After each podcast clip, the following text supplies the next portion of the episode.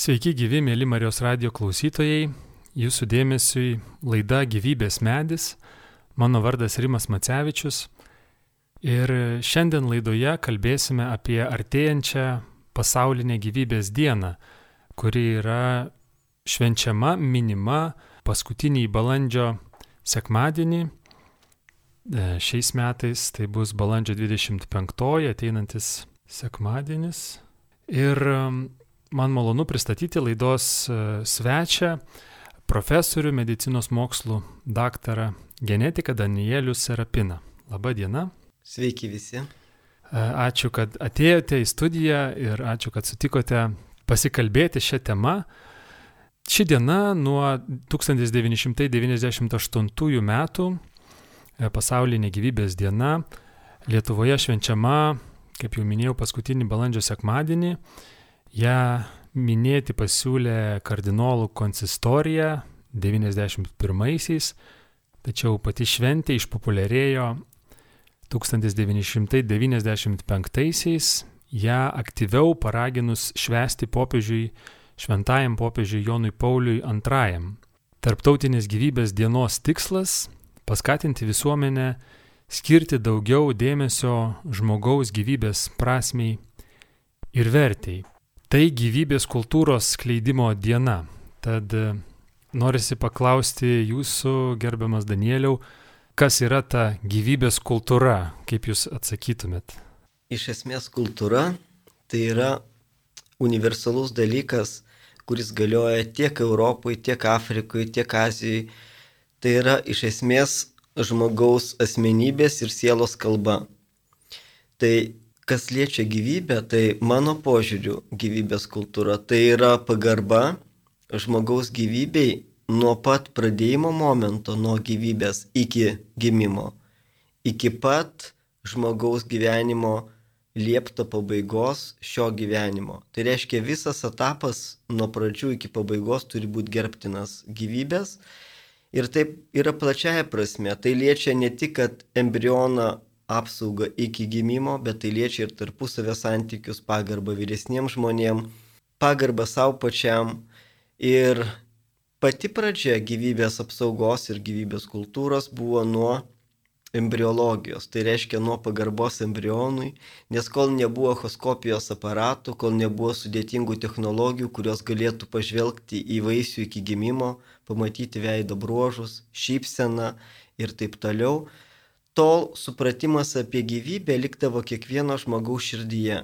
Tie, kurie tikrai turėjo pozityvų požiūrį į gyvybę, jie suprasdavo, kad nuo užsimėsgymo motinos iščiose pradžios gyvybė yra verta pagarbos.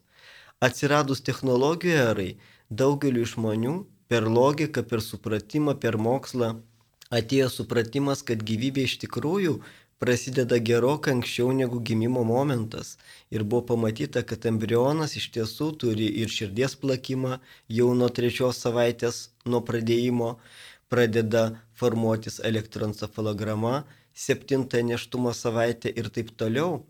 Dar daugiau pasakysiu, iš genetiko pozicijų žmogaus gyvybės pradžia yra nuo pačio chromosomų rinkinio embriono suformavimo, tai yra nuo apvaisinimo momento. Ir netgi įžymi genetikė profesorė Alina Midro, kuri yra Lodzės medicinos akademijos genetikos katedros vedėja, yra seniai pasakiusi, kad e, DNR užsimėskimas embriono tai yra jo pradžia. Tai yra kaip genetinis embriono pasas, kuris suteikia jam aišku identitetą ir skirtumą nuo kitų gyvų būtybių ir netgi tam tikrą unikalų skirtumą nuo savo tėvų tai kad aš manau gyvybės kultūra tai yra iš tiesų pagarba gyvybei iki gimimo ir pagarba gyvybei po gimimo. Ir galiu pasakyti, kad koks yra žmonių požiūris šalyje, koks dominuoja požiūris į gyvybę iki gimimo, tai yra šalies išsilavinimo ir bioetikos vizitinė kortelė. Minėjot, kad pagarba gyvybei tai yra ir ir po gimimo, ta prasme, viso žmogaus gyvenimo metu, tai žinome apie ne tik žmogžudystės, kas būtų akivaizdus gyvybės atimimas, bet ir kankinimus, išnaudojimus ir e, ši tarptautinė gyvybės diena kreipia į, į tai dėmesį, bet įdomu, jinai paskelbta, pasiūlyta švęsti ir minėti 91-aisiais, o išpopuliarėjau, kaip jau minėjau, dar vėliau, nors visais laikais galime atrasti vykusius karus, tarkim, žmonijoje, bet tuo laikotarpiu lik nebuvo kažkokių tai tokių didelių akivaizdžių karų, kai būtų žmogaus gyvybė akivaizdžiausiai nevertinama. Tai kas paskatino šitą iniciatyvą ir kur vis tik trūksta pagarbos žmogaus gyvybei šio laikinėme pasaulyje, visuomenėje? Jeigu žvelgiant bendrai į gyvybės kontekstą, į gyvybės apsaugos, tai manyčiau, kad e, žvelgiant į iš tiesų, kaip ir mielas Rimai minėjot, viduramžiais ir anksčiau, kai gyvybės būdavo karuose prarandamos, tai iš tiesų buvo akivaizdu, kad jos buvo nevertinamos. Ir tai buvo labai nuvertinta. Dabar iš tiesų karinių konfliktų ir kitų yra mažiau ir tai yra akivaizdu, kad gyvybė labiau saugoma ir e, UNESCO, ir žmogaus teisų konvencijos, ir kitais įvairiais teisės aktais. Šiandieną manyčiau, kai yra įrodyta, kad mintis iš tikrųjų galima sakyti yra materiali, dėl to, kad mintis sukuria pas patį žmogų įvairią gamą hormonų ir neuromediatorių. Jeigu dominuoja pozityvios mintis, kūrėsi dopaminas, serotoninas. Jeigu dominuoja piktis, neapykanta, smegenyse dominuoja adrenalinas, noradrenalinas, imperilas. Taigi, šiandieną aš manau, pagrindiniai žudimai vyksta minčių lygyje, kai žmonės vienas kitą niekina, neįvertina, smerkia ir daro netgi vairias psichologinės atakas. Taigi, manyčiau, kad šiandieną mes turim peržiūrėti savo minčių turinį, savo atsinešimą į artimuosius, netgi svetimų žmonės ir tuo pačiu prisidėti prie gyvybės išsaugojimo.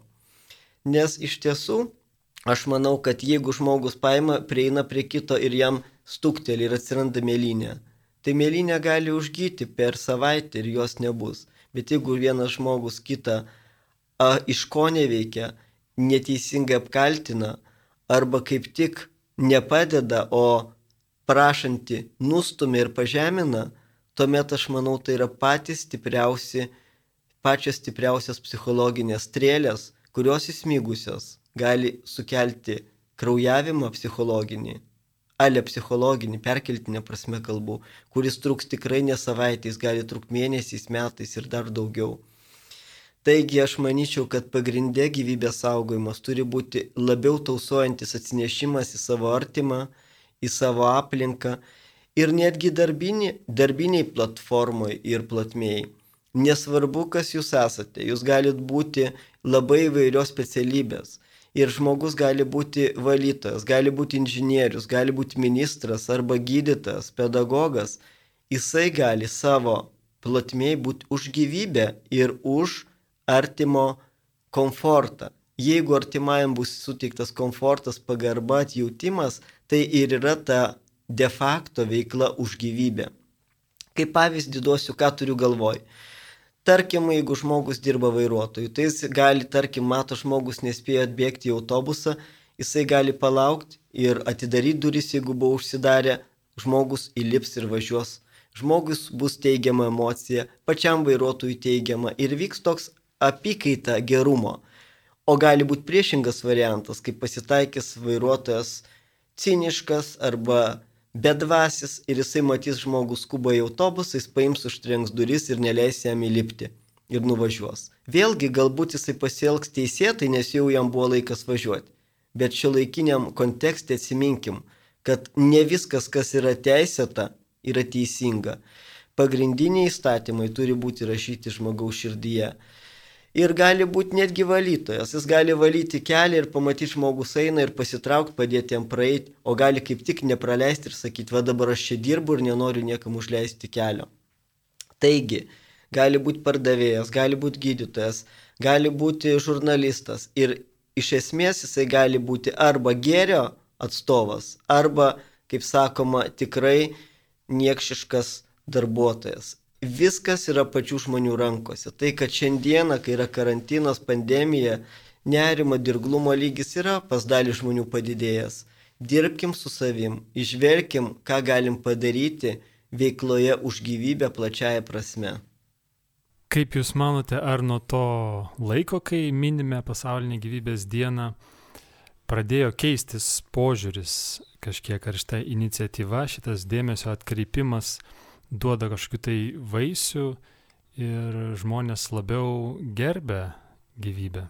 Nuo 1991 metų iš tiesų yra ženklus žmonių požiūrio į gyvybę šuolis transformacija ir galiu pasakyti, kad didžiai dalimi prie žmonių požiūrio į žmogaus gyvybės pagarbą prisidėjo pasaulinės žmogaus už gyvybę asociacijos Lietuvos federacija. Ir gydytojai už gyvybę Lietuvoje yra padarę begalę žingsnių. Tai yra kasmetinės konferencijos savivaldybė ir Seime. Tai yra begalė mokyklose paskaitų. Tai yra šimtai išleistų knygų.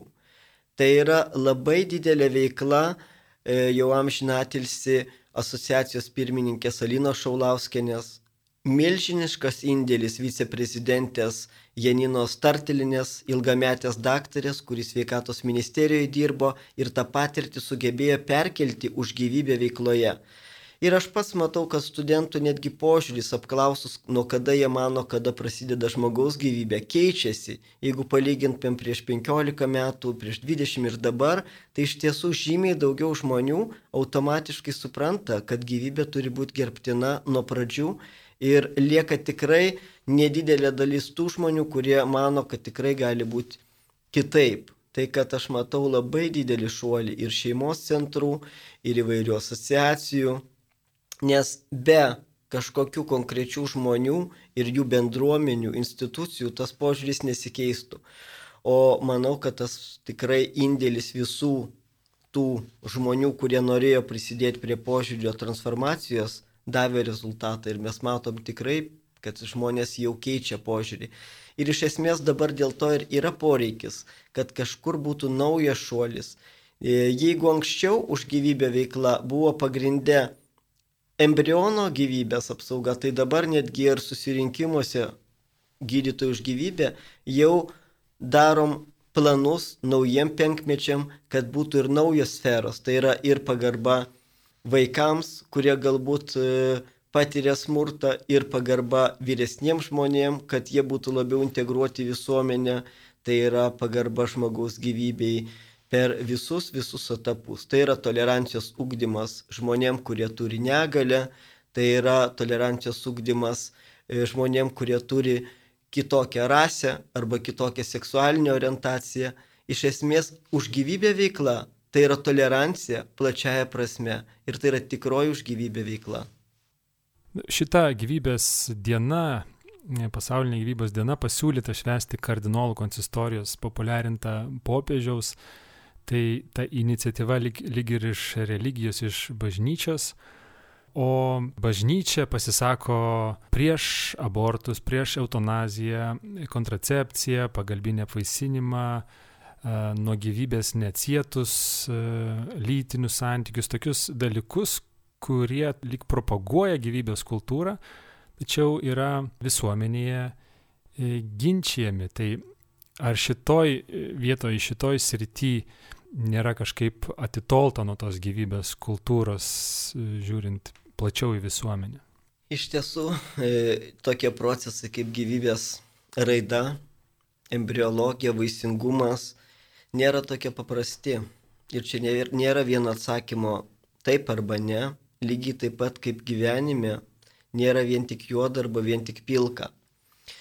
Ir aš manau, kad šio laikinis mokslas, aišku, jis turi eiti į priekį, eksperimentai išrandant tam tikras naujoves turi būti ir su tam tikra auka, bet e, galiu pasakyti, kad mokslas visada turėtų būti kartu ir su bioetika eiti, su bioetika, su pagarba žmogaus gyvybei. Tuomet tie rezultatai būna žymiai, žymiai prasmingesni, kadangi mes jau matome, kad Vėlgi, jeigu ne mokslas, mes net nepamatytumėm tokių unikalių dalykų, kad embrionas gali pats save išsigydyti.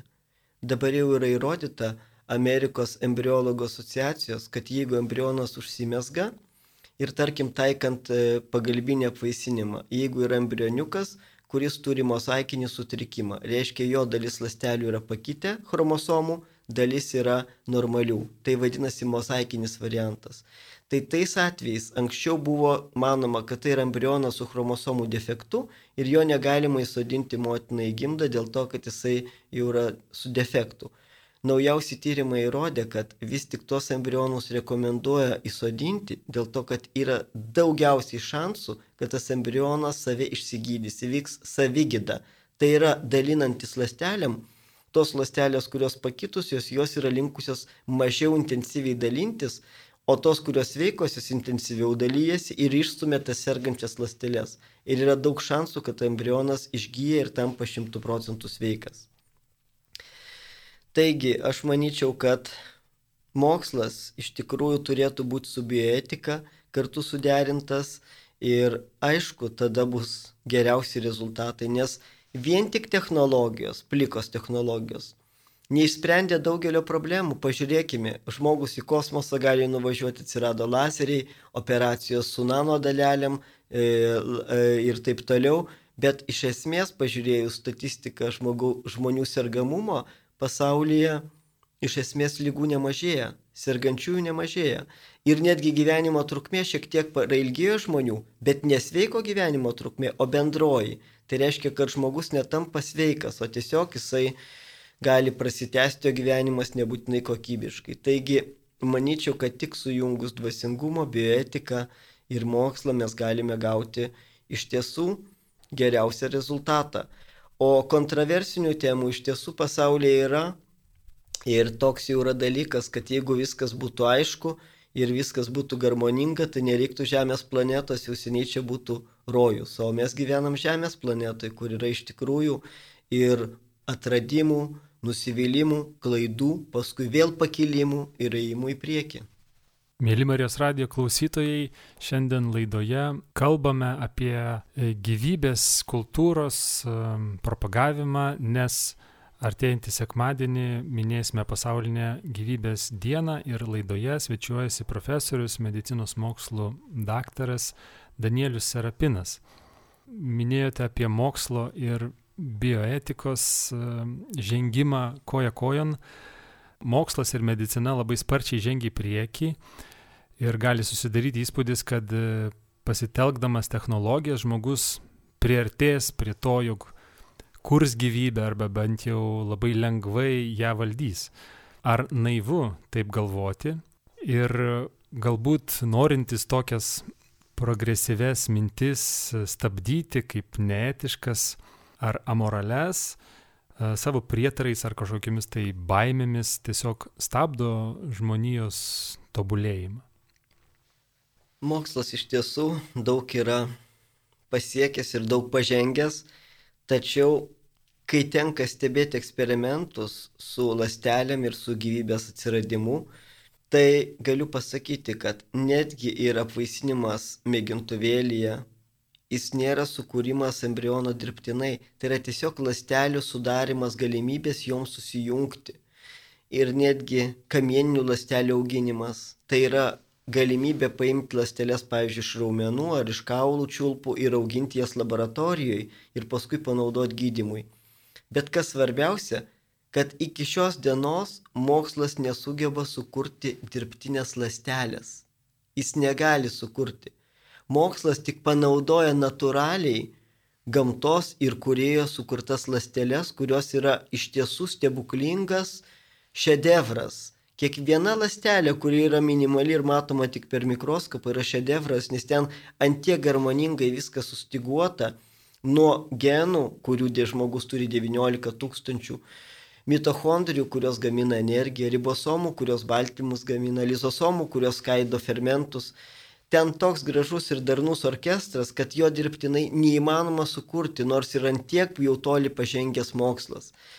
Taigi aš manyčiau, kad mokslas turi žinoti savo galimybės ir savo ribas ir turėti pagarbą gyvybės užsimesgymui. Dėl to, kad neįmanoma šiandieną sukurti dirbtinės lastelės, nes ant tiek ten viskas natūralioj lasteliai funkcionuoja suderinta ir savaime. Todėl aš manyčiau, bandymai apeiti natūralius gyvybės dėsnius ir pretenduoti sukūrimą tų lastelių arba iš esmės pasakyti, kad gali, galės žmogus būti vos ne pats kuriejas gyvybės, tai yra bergždžios kalbos. Ir galbūt tai gali būti mokslo tokios iliuzijos ir noras pabūti pasaulio kuriejais, bandant tai sukurti, bet ir artimiausi rezultatai ir mokslinės eigos rodo, kad mes galim tik tai dirbti su ta gyvybinė medžiaga, kuri jau yra natūraliai susikūrusi, bet sukurti gyvybės aš abejoju, ar bus įmanoma. Ir kita vertus, klausimas, ar netgi verta tai bandyti daryti. Nes e, iš esmės, manau, kad tos technologijos, kurios dabar yra, jos tiesiog turi būti tobulinamos, o kardinaliai kažkokiu naujų, kas būtų iššūkis netgi gyvybei, tai klausimas, ar reikėtų kurti. Dar kalbant apie mokslą ir etiką arba moralę, bioetiką, kaip Jūs matote, ar atsiranda vis daugiau plonų ribų tarp šių dalykų, kalbant apie gyvybės apsaugą?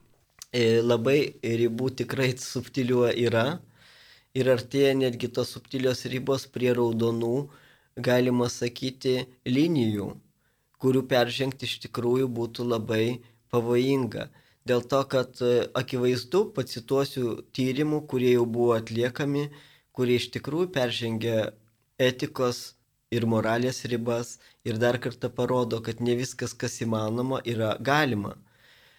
Taigi yra buvę skaityti teko eksperimentų, kai norint pažiūrėti embriono ir organizmo, kuriame jis vystysis suderinamumą, žmogaus embrionai buvo netgi bandomi kelti į gyvūnų patelių gimdas ir žiūrima, kaip jie prisitvirtina. Taigi aš manyčiau, kad tokio tipo eksperimentai iš tikrųjų peržengia moralės ribas ir galbūt jų iš tikrųjų nereikėtų toleruoti, bet jie dėja leidžiami buvo tose šalyse, už ES ribų, kur negalioja UNESCO žmogaus genomo domenų apsaugos įstatymai. Taigi iš tiesų manyčiau, kad tos ribos yra ir turi būti kuo daugiau instancijų, kuo daugiau instancijų, kurios e, tikrai saugotų tą žmogaus gyvybę. Nes jeigu nebūtų saugiklių ir saugančių institucijų, tai žmogaus protui ribų nėra. Žmogaus protų ribų nėra tiek gerąją prasme, tiek ir blogąją prasme. Dėl to, kad manyčiau, kad šiandieną bet koks specialistas, tiek mokslininkas, tiek gydytojas, tiek mokytojas, kad pasiektų geriausius rezultatus, turi pasiekti savo ryšį ir harmoniją tarp proto ir širdies.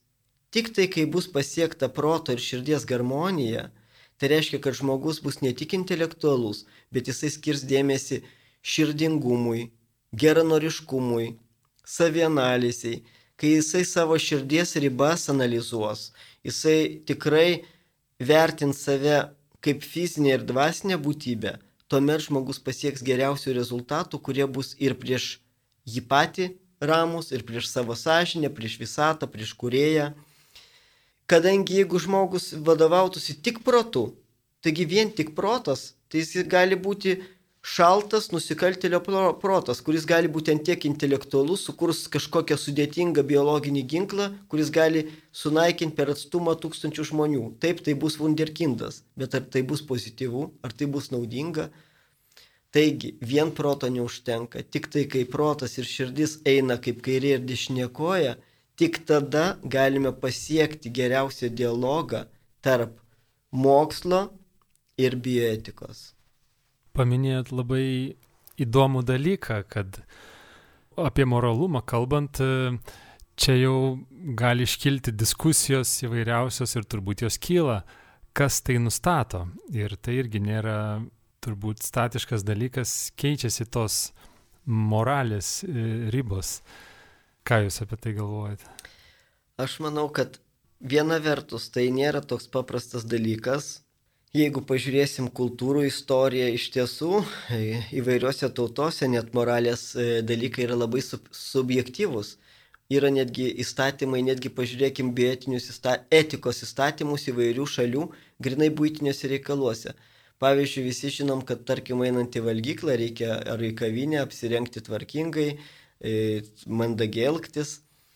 Bet pavyzdžiui, pažiūrėkime Italijos įstatymą, pavyzdžiui, ten netgi į pležą ateiti e, nutukiusiam žmogui yra draudžiama, yra bauda, yra tam tikrų pležų. Vėlgi tokia specifika, kur atrodo vos ne žmogaus teisų pažeidimas, bet Italijoje yra tokių.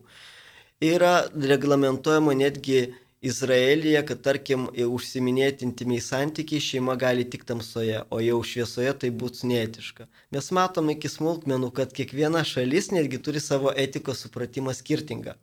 Tai taip, tokie dalykai skiriasi tarp tautų, tarp šeimų ir bioetikoje yra subjektivumo, bet mano nuomonė, nekintančios yra amžinos vertybės. Tai yra pagarba artimam, pagarba kuriejui ir pagarba savo pačiam.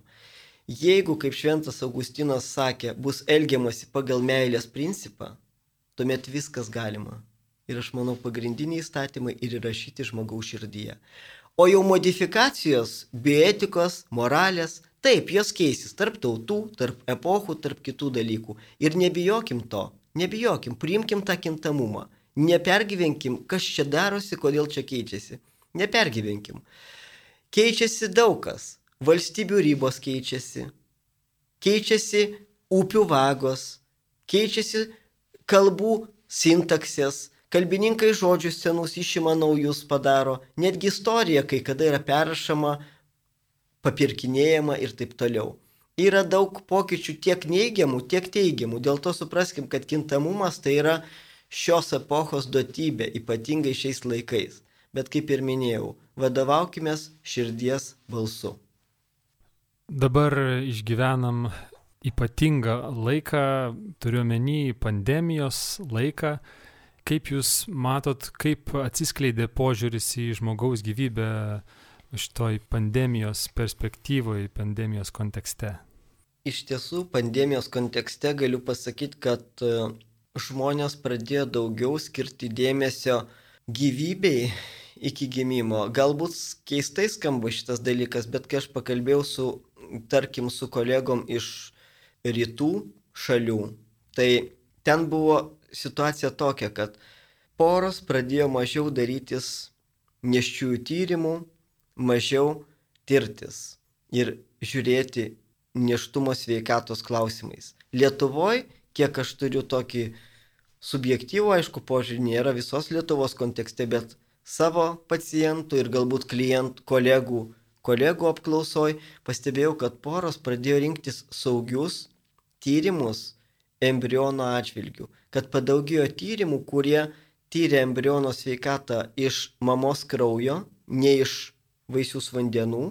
Aišku, šitie tyrimai, kurie yra saugus, jie yra brangesni, nekompensuojami ligonių kasų, bet žmonės pradėjo kažkaip vat, rinktis tuos saugius tyrimus, nors jie tikrai daug išlaidų žmonėms sudaro. Tai vat, vat tas požiūris man iš dalies patiko, kad aš supratau, kad žmonės tikrai per pandemiją, galbūt kai kam ir finansiškai nėra taip paprasta, bet tikrai sferai apsaugos iki gyvybės skirt pradėjo didelį dėmesį. Dėl to, kad pasirinkti saugų metodą labai svarbu, kadangi neščiųjų tyrimai vieni yra saugus embrionui, kai yra iš mamos kraujo genai tyriami, o kiti ne visai saugus. Ne visai saugus metodai yra vaisiaus vandenų tyrimas, kai su adatėlė įmami vaisiaus vandenys ir tyriamos lastelės ir chromosomos. Taigi po vaisiaus vandenų tyrimo viena iš šimto moterų pasireiškia persileidimas. Tai įsivaizduokit, jeigu tūkstantis moterų padaro tą tyrimą, tai jau gali būti dešimt embrionų arba vaisių praradimas. Ir aš galiu netgi pasidalinti, va, tai tiks tikrai gyvybės vertės e, dienos kontekste. Prieš keletą metų su kolegom atlikome tyrimą Lietuvos sveikatos mokslo universitete ir panagrinėjom vaikų sveikatą, kurie gimė mamoms, kurios patyrė punkciją vaisiaus vandenų iki gimimo diagnostinę ir palyginom su kontrolinė grupė, kurios nepatyrė tos funkcijos. Buvo 50 vaikų vienoje grupėje, 50 vaikų kitoje grupėje. Tai pasirodo, tie vaikučiai, kurie patyrė tą genetinį tyrimą vaisiaus vandenų amniocentezę, du dalykus turėjo. Jie blogiau miegojo naktį ir jie turėjo daugiau bronchito. Tai reiškia, kad tie tyrimai, kurie su adata daromi, amniocentezė, tai jie ne tik, kad riziką turi persleidimo, bet jie padidina vaiko astmos riziką ir padidina nemigos riziką. Labai strigo viena pacientė, kuri pasakė apie savo lėliuką kad sako, sunelis sumaišė dieną su naktim. Sako, kai tik būdavo diena, jisai užmiega, o tik jau vakaras jisai prabunda ir visą naktį intensyviai, intensyviai bendrauja ir, ir nerimauja. Taigi, aš manau, kad už gyvybę tai gali būti ne tai, kad nužudyti arba leisti gimti. Tai yra netgi tausojantis atsinešimas tiek tyrimų prasme, saugių arba nesaugių, tiek netgi minčių prasme. Tai yra bendravimo su vaiku iki gimimo prasme. E, jūs jau e, šioje laidoje tikrai paminėjot labai įdomių tyrimų, mokslo atradimų ir praktikų. Buvau pasiruošęs klausimą jums kaip genetikui, kokie naujausi genetikos mokslo pasiekimai tyrinėjant žmogaus gyvybę. E, iš esmės dabar labai genetika koncentruojasi į genų reguliacijos mechanizmus. Jeigu anksčiau buvo manoma, kad žmogaus genomas susi, susiguli, kai žmogus jau yra sukūriamas, tai dabar įrodyta, kad tai yra iš dalies tiesa, nes žmogaus chromosomos, kai susiformuoja nuo apvaisinimo momento, jos praktiškai nesikeičia visą visą žmogaus gyvenimą. Bet chromosomose esantis 19 tūkstančių genų jų aktyvumas keičiasi kiekvieną dieną. Keičiasi kiekvieną dieną. Tai reiškia, kad žmogaus gyvensena gali modifikuoti jo genų aktyvumą. Tai reiškia vienus genus slapinti, kitus genus aktyvinti. Ir ką norėčiau pasakyti, kad chromosomų galuose yra telomerai, nuo kurių priklauso ląstelių ilgamžiškumas, sveikata ir jaunatviškumas tai pasirodo, kad kai kūdikis gimsta, jis jau turi tam tikrą chromosomų telomerų galų ilgį, kuris prognozuoja jo sveikatos būklę. Tai tyrimai parodė, kad tai, ką patiria neščioji per tuos devynis mėnesius, gali patrumpinti arba prailginti telomerus. Tai reiškia, jeigu vaisius išgyvena neigiamus aspektus, pavyzdžiui, tėvų skirybas, darbo netektis, avarija, tsunamis, kažkokie labai netektis ar kiti nemalonumai. Tuomet tų vaikučių, kurių mamos patyrė šios įvykius, telomerai bus truputį trumpesni negu tų vaikučių, kurių mamos to nepatyrė. Buvo išskirti labai pozityvūs įvykiai, kurie kaip tik prailgina vaiko telomerus po gimimo, kur buvo pastebėta. Tai kokie tai įvykiai? Aš šitą išgirdau per psichoneuroendokrinologų konferenciją Milane 2019 metais. Ir aš jau to pranešėjo paklausiau, sakau, o vad kokie tie įvykiai pozityvūs, kurie mamo, kuriuos patirdavo mamos ir kurie prailgindavo kūdikių telomerus. Tai sako, pavyzdžiui, gero darbo gavimas neštumo metu. Buvo įdomus dar vienas pastebėjimas, netgi santoka moteris, kurios buvo nesusitokusios, o tokių taip patgi pasitaiko ir, ir, ir nešiųjų, kurios vis tik gavo tą laimingą bilietą ir buvo e, pasiūlyta ištekėti, jos iš tikrųjų buvo kaip devintam dangui ir pasirodo tai teigiamai veikia labai embriono telomerus. Ir daug kitų dalykų, susitaikymas, galbūt konfliktas su savo mama, e, ir, ir finansinės situacijos ir sprendimas ir taip toliau. Taigi teigiami įvykiai neštumo metu labai teigiamai prognozavo būtent telomerų ilgį. Tai ką galime pasakyti, kad vis tik chromosomos nors susiformuoja apvaisinimo metu, bet jų dailinimas, jų šlifavimas kaip medžio gabalo dailydės rankose priklauso iki gimimo nuo tėvų, o jau po gimimo, kai vaikas auga, priklauso ir nuo jo paties, nuo jo charakterio, nuo jo elgsenos, O jau kai vaikas tampa suaugusiu, tai labai priklauso nuo jo paties. Buvo įrodyta, kad jeigu žmogus širdį turi geronoriškumą ir jisai pastoviai tikrai linki aplinkiniams tikrai gero, tai jo telomerai yra žymiai ilgesni negu kontrolinės grupės. Taigi telomerų tyrimai įrodo, kad geru būti apsimoka. Ir ne veltui yra tokia alegorija arba pasakėčia, kurią noriu dabar pasidalinti, kad kai kurie sukūrė žmogų alegorinė prasme iš molio ir liko molio gabaliukas ir paklausė kuriejas, ko tu norėtum, kad tau duočiau ir sukurčiau iš to molio gabaliuko. Ir žmogus pasakė, duok man laimės. Ir kuriejas įdėjo molio gabaliuką žmogui į rankas. Tai kad tas molio gabaliukas ir atsidūrė žmogaus rankose. Taigi laimė iš tiesų ir yra žmogaus rankose, tik reikia šitą suprasti, pajausti ir įgyvendinti. Labai tinkama alegorija ir pasakėčia laidos pabaigai. Prieš atsisveikinant dar norėčiau paprašyti jūsų palinkėti galbūt kažko klausytojams, kurie klausosi, gal idėją kažkokią duoti, kaip minėti, kaip kiekvienas galėtų paminėti, ar, ar kokias nuostatas bandyti savo e, nusistatyti gyvybės dienos proga, pasaulinės gyvybės dienos proga, kurią, kaip laidoje jau minėjome, minėsime, švesime sekmadienį, paskutinį balandžio sekmadienį, kaip ir kiekvienais metais. Iš tiesų esu pedagogas, dėstau keliuose universitetuose ir todėl norėčiau netgi tokią užduotį gerbėliems klausytojams užduoti, kad per šią savaitę gyvybės dienos pasistengkite skirti dėmesio savo pačių gyvybei. Skirkite dėmesio daugiau savo asmeniniai geroviai, tiek psichologinė, tiek fizinė prasme. Pažiūrėkime, galbūt reikia daugiau ore pabūt griname, galbūt pavaikščioti, galbūt tiesiog kažką pasidaryti sveikiau bendraja prasme. Ir antras dalykas, pažvelkime per šią savaitę per padidinimo stiklą į dėkingumo aspektą. Pagalvokime, už ką mes galime būti dėkingi. Tai gali būti tėvai, seneliai, artimieji, mokytojas, artimiausias žmogus. Pabūkime kiekvieną dieną dėkingumo prisiminime penkiem aspektam. Taigi dėmesys savo geroviai ir dėkingumo galbūt savaitę. Aš manau, tai gali būti tas gyvybės puoselėjimo kelias, kuris tikrai universalus kiekvienam. Ir iškart pagalvojau, kad priimti gyvybę arba ją suvokti kaip dovana. Taip.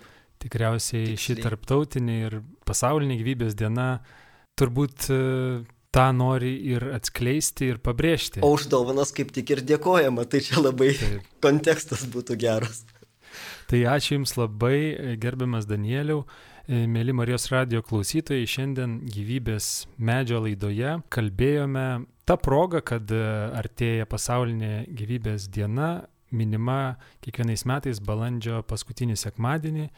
Laidoje mintimis, žiniomis, išvalgomis dalinosi profesorius medicinos mokslo daktaras genetikas Danielius Serapinas.